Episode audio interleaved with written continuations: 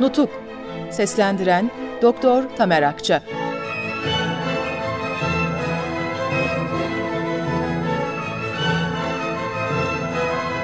24. Bölüm Sivas Kongresi açılıyor.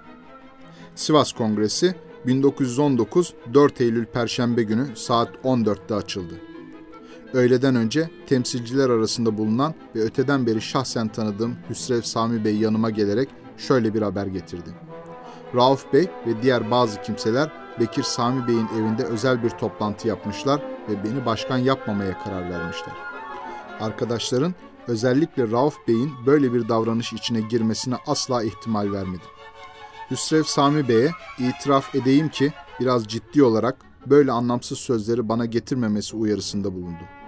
Verdiği haberin aslı olmak imkan ve ihtimali bulunmadığını, arkadaşlar arasında yanlış anlaşmalara yol açabilecek sözler sarf edilmesinin doğru olmadığını da ekledim. Efendiler, ben bu kongrede başkanlık meselesine önem vermiyordum. Başkanlığa belki yaşlı bir zatın getirilmesinin uygun olacağını düşünüyordum. Bu maksatla bazı arkadaşların da düşüncelerini yokladım.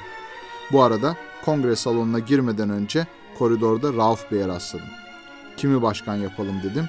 Rauf Bey adeta heyecanlı bir sesle zaten söylemeye hazırlanmış olduğu o anda halinden anlaşılan bir tavırla ve kesin bir dille sen başkan olmamalısın dedi. Derhal Hüsrev Sami Bey'in verdiği haberin doğruluğuna inandım ve doğrusu üzüldüm. Gerçi Erzurum Kongresi'nde de benim başkanlığımı sakıncalı görenler vardı. Fakat onların nasıl kimseler olduklarını belirtmiştim. Bu defa en yakın arkadaşlarımın aynı zihniyeti açığa vurmaları beni düşündürdü. Rauf Bey'e anladım. Bekir Sami Bey'in evinde aldığınız kararı bana bildiriyorsun dedim ve cevabını beklemeden yanımdan uzaklaşarak kongre salonuna girdim. Kongrenin açılmasından sonra ilk söz alan bir yüksek zatın kongre tutanaklarını aynen geçmiş olan şu konuşmasını dinledik. Efendim, şimdi tabii başkanlık meselesi söz konusu olacak. Bendeniz başkanlığın birer gün veyahut birer hafta devam etmek üzere sırayla yapılmasını ve üyelerin veya temsil edilen il ve sancak adlarının baş harfleri esas alınarak alfabe sırasına uyulmasını teklif ediyorum.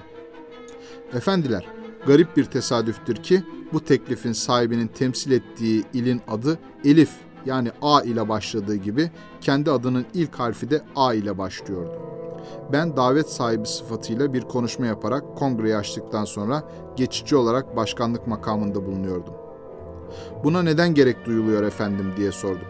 Teklif sahibi bu şekilde işin içine şahsiyet karışmamış olacağı gibi eşitlik ilkesine uyulduğu için dışarıya karşı da olumlu bir etki yapmış olur dedi.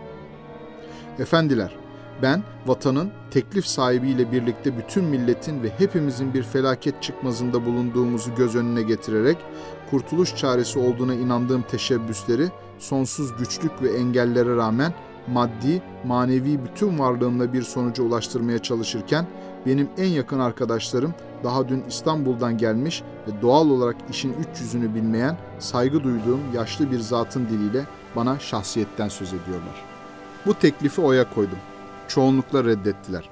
Başkan seçimini gizli oyla yaptırdım. Üç olumsuz oya karşı beni başkan seçtiler. Sivas Kongresi'nin gündemini Erzurum Kongresi'nin tüzük ve bildiri metinleriyle bizden önce Sivas'a gelmiş olan 25 kadar üyenin hazırladığı bir uyarı metni oluşturacaktı. İlk açılış günü olan 4 Eylül'le 5. 6. günler yani 3 gün iddiatçı olmadığımızı ispat için yemin etmek gerektiğinden yemin formülü hazırlamakla, padişaha sunulacak bir yazı yazmakla, kongrenin açılışı dolayısıyla gelen telgraflara cevap vermekle ve özellikle kongre siyasetle uğraşacak mı, uğraşmayacak mı konusunun tartışmasıyla geçti. İçinde bulunulan mücadele ve yapılan işler siyasetten başka bir şey değilken bu son konuyu tartışmak hayretle karşılanacak bir durum değil midir? En sonunda kongrenin dördüncü günü asıl hedefe geldik ve aynı günde Erzurum Kongresi tüzüğünün metnini görüşerek hemen bir sonuca bağladık. Çünkü Erzurum Kongresi'nin tüzüğünde yapılması gereken değişiklikleri zaten hazırlamış ve gereken kimseleri de aydınlatmış bulunuyorduk.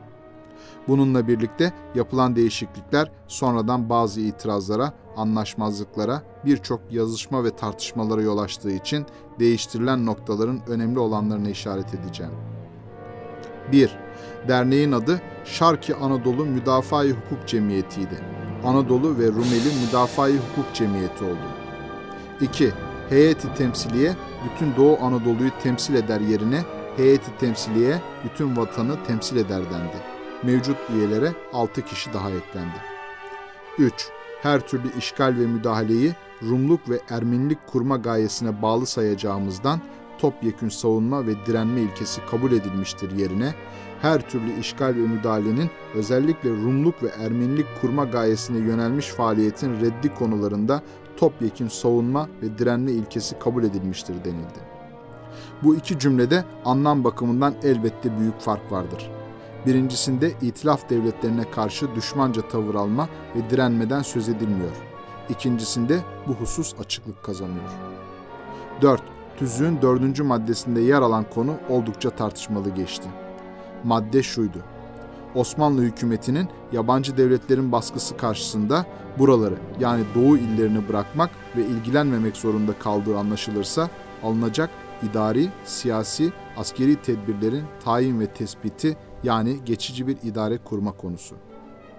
Sivas Kongresi tüzüğünün bu maddesindeki buraları yerine yurdumuzun herhangi bir parçasını bırakmak ve ilgilenmemek şeklinde daha geniş ve genel bir kayıt kondu.